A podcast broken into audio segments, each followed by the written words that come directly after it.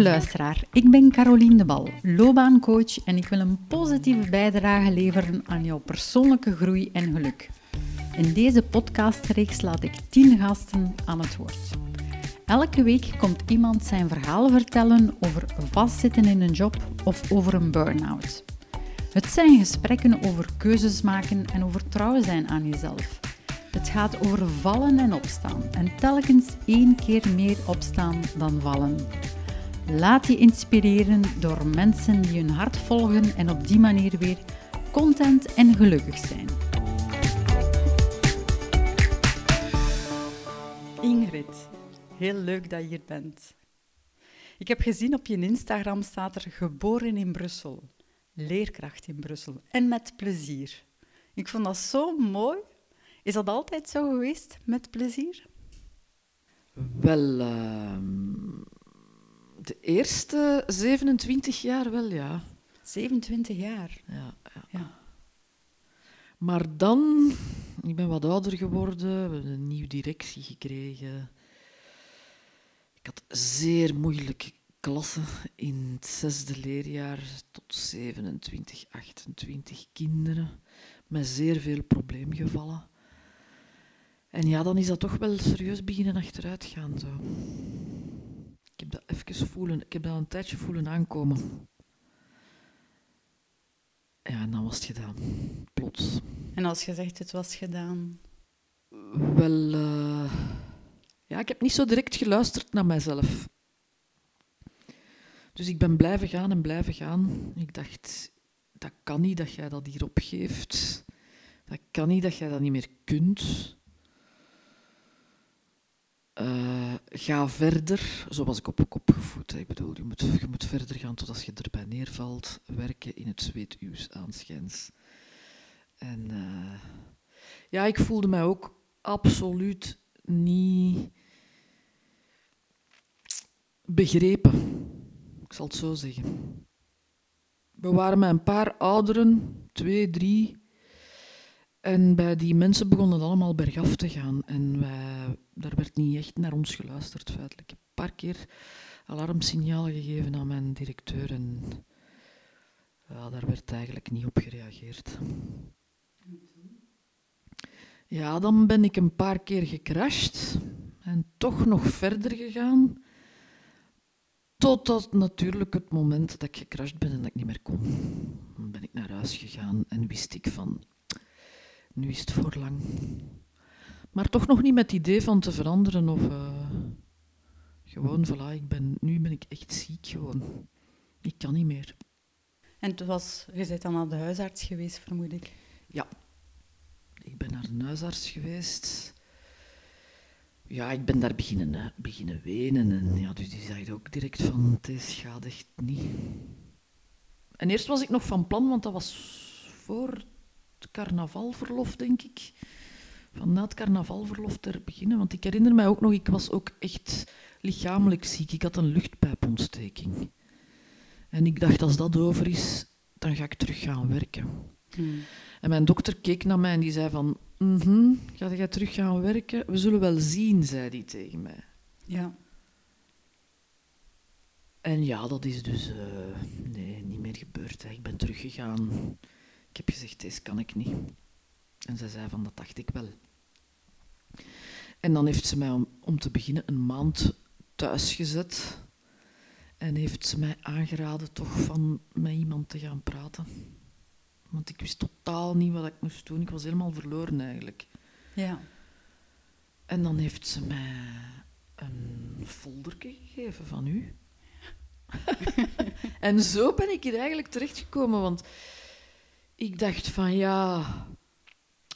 Ja, ik was ook nog. Ik, was, ik, ik woonde bij mijn broer toen, want ik ging verhuizen naar de stad en mijn appartement was nog niet klaar. En ik moest al uit mijn huis, dus ik zat bij mijn broer op de kamer. En ik zat altijd maar te denken, maar wat ga ik nu doen? Wat ga ik nu doen? Ik weet niet wat ik moet doen. En, eh, mm, die, dok- die dokter heeft wel een zaadje geplant toen. Ja. Want ik denk niet, moest hij mij dat gezegd hebben dat ik dat, dat ik dat zou gedaan hebben. Ik weet het niet. Ik Mhm. weet het niet. Dat was toch echt een trigger.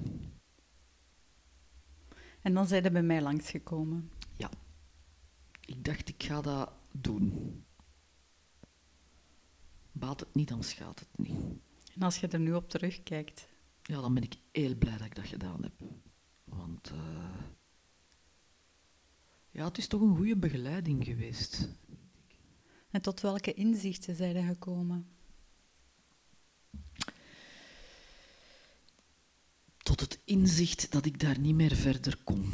Mhm. En dat ik iets anders moest doen. Iets wat ik terug plezant zou vinden. Want ik moet toch nog wel een tijdje werken. En dan moet het iets zijn wat je heel graag doet.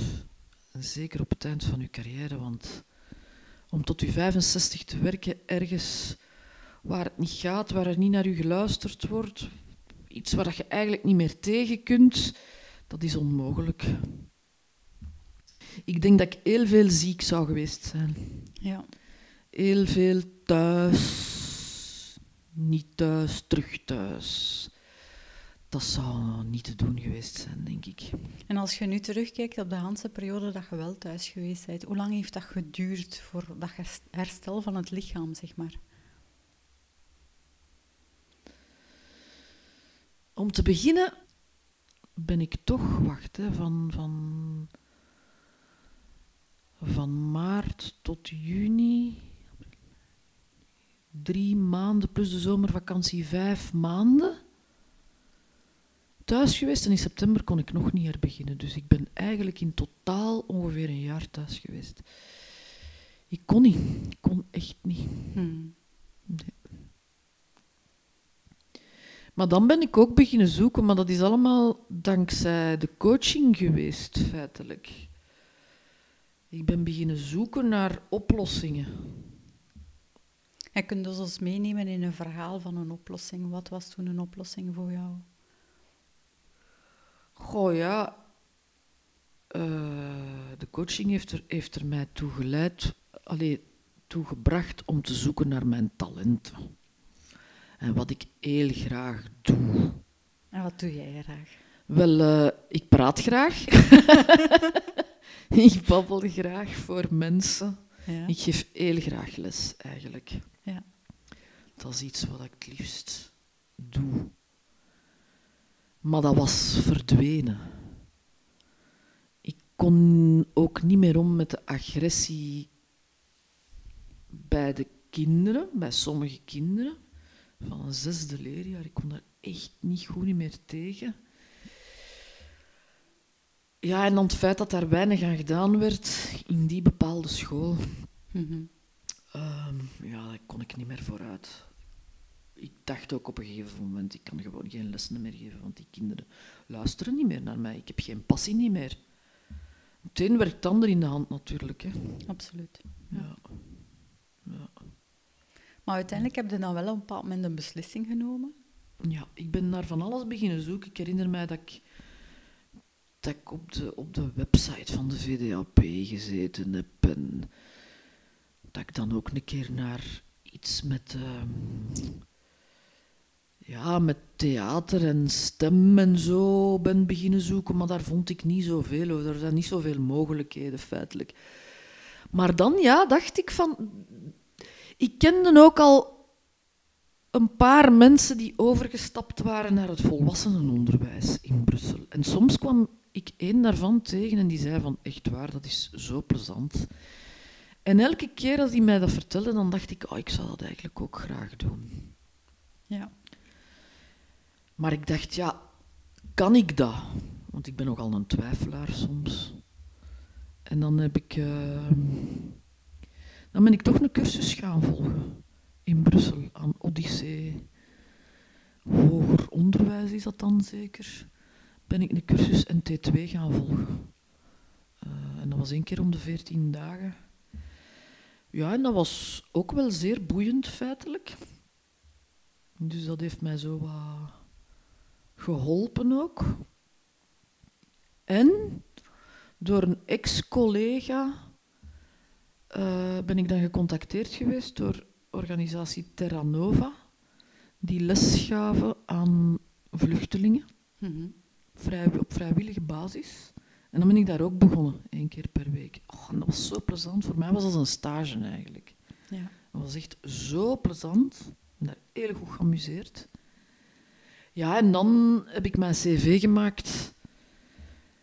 Oh, dat was nogal een gedoe, want ik heb dat nog nooit gedaan, eigenlijk, een cv gemaakt. Dat trok eigenlijk op niks. Als mijn kinderen dat zagen, die schoten in een lach.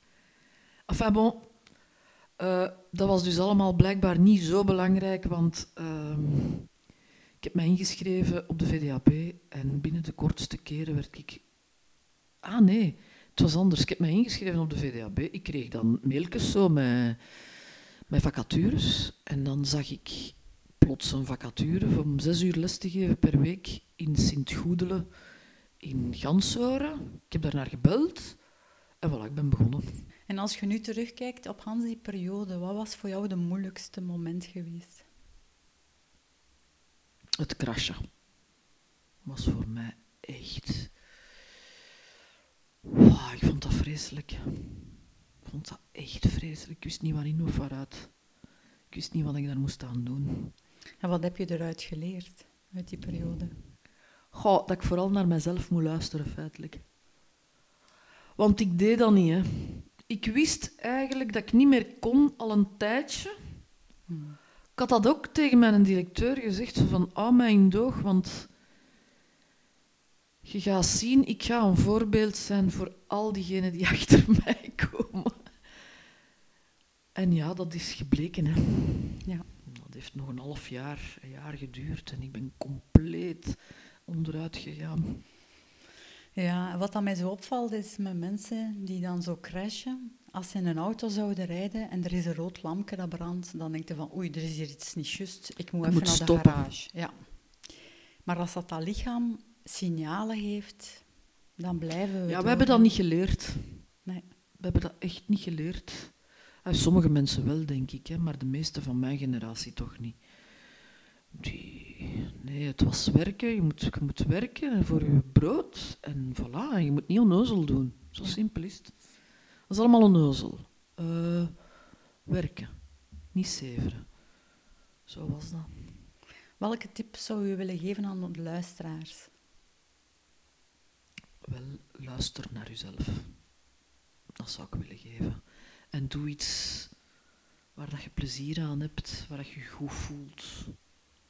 Ja, het moet natuurlijk niet alle dagen plezier zijn, hè. dat kan ook niet, maar uh, iets wat je graag doet. Ja, want we moeten effectief heel lang werken. En het kan maar beter iets zijn wat je graag doet. Ja. Verhalen vertellen en ja, daarmee bezig zijn de verhalen die ik lees, soms stukken daaruit vertellen, is heel plezant. Ja. ja. Ik herinner me trouwens nog een verhaal. Van de, van de wc-borstel. Ja, dat was een, een, verhaal van Arnon Grunberg. Dat, was echt, dat is mij altijd bijgebleven. Ja. Daar zo hard mee gelachen toen. Dat, ja, het zit nog altijd in mijn hoofd, feitelijk. Ik kan me dat voorstellen. Wat ja. een prachtig verhaal. Ja. Dus je bent dichter bij jezelf gekomen, als ik het zo hoor. Ja, eigenlijk wel, ja. Je gaat rapper aanvoelen van dit is wel oké voor mij en dit is niet meer oké voor mij. Ik ben toen ook beginnen naar een psycholoog gaan. Hè. Ja. Toen, uh, ja, dat was echt ook wel nodig. En ik ben ook wel op iemand gevallen die mij direct lag. Die heeft mij ook wat oefeningsjes gegeven in, in rustig worden en omgaan met je kwaadheid. En je kunt daar ook mee leven, eigenlijk. Het is er en het zal nooit meer weggaan, maar je leert daar wel mee leven. Ik vind het ook heel mooi dat je dit aangeeft, Ingrid, want het is zo belangrijk dat mensen als ze vastzitten, dat ze durven hulp vragen. Hè? Ja, dat heeft bij mij ook heel lang geduurd misplaatste trots. Uh, ik dacht, ik zal dat allemaal wel zelf kunnen. En dat kan toch niet dat ik zo zwak ben. En, terwijl dat, dat helemaal geen zwakte is, daar ben ik nu ook wel uit. Maar uh, ja, toen kwam dat over als zeer zwak. Ook meegegeven door opvoeding. Hè. Dat is, uh, geen emoties tonen, Zeker niet over praten. Uw zwakte niet tonen. Ingebakken, ingebakken. Dus door je kwetsbaar te durven opstellen, sta je eigenlijk in je kracht. Ja, absoluut. Je wordt daar sterker door. Ja. Het is door je sterk te houden dat je valt, hè. Je kunt je niet sterk dat gaat niet. Dat gaat niet. Op den duur valde gewoon. Ja, dat hadden niet vol. Allee, ik toch niet. Misschien zijn er mensen, hè. ik weet het niet, maar... Ja. Nee, ik niet. En ik ben zo blij dat ik dat gedaan heb, want... Anders denk ik dat dat slecht afloopt, zoiets. Hè. In ziekten, uh, depressies. Uh, poeh, nee, mag er niet aan denken. Dus het lichaam geeft echt wel signalen. Hè? Absoluut. Ja. ja. Alles hangt samen, hè. Ben ik van overtuigd eigenlijk. Als uw geest niet meer kan, dan kan uw lichaam ook niet meer. En dan gaat uw lichaam zeggen stop. Dus ja. Ja, ik kom wel van ver eigenlijk. En zie ik Als ik er zo over nadenk. Ja. Ja, ja, ja, ja. En ik ben heel blij. Ja, mooi. Ja. Nee. En dan nog een laatste vraag. Wanneer ben jij content en gelukkig? Wanneer ben ik content en gelukkig? Wel, dat is heel simpel. Als ik in de zon zit, niet te warm zoals in de hittegolven, maar gewoon zoals deze week bijvoorbeeld. Begin van de lente is fantastisch geweest. Uh, in de zon, een boekje, dan ben ik content en gelukkig, ja. Van de kleine dingen. Van de kleine dingen, ja. ja. ja. Dank je wel voor je komst en geniet nog van de kleine mooie dingen rond je. Heel graag gedaan. Dank u.